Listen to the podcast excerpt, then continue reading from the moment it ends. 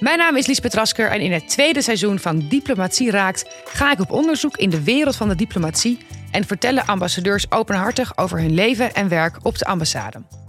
Zo maakte ambassadeur Johanne Doornewaard de aanslagen in Sri Lanka mee. Nou, op dat moment spring je in de auto, ga je naar de ambassade om te kijken van ja, zijn er Nederlanders betrokken? Moest Jeroen Rodeburg in Colombia ontvoerde Nederlanders zien vrij te krijgen? Voortdurend zit je te denken, wat kan ik nog meer doen? Wat kan ik nog meer doen? En was Irma van Duren betrokken bij de vredesonderhandelingen tussen Jemenitische rebellen en de regering? Eén onderdeel van mijn gesprek was dat vredesproces, maar een ander heel belangrijk onderdeel van het gesprek was toegang tot humanitaire hulp. Ik kan je vertellen dat het leven en werk van een ambassadeur een stuk interessanter en spannender is dan dat je in eerste instantie misschien dacht. Luister Diplomatie Raakt nu in je favoriete podcast-app.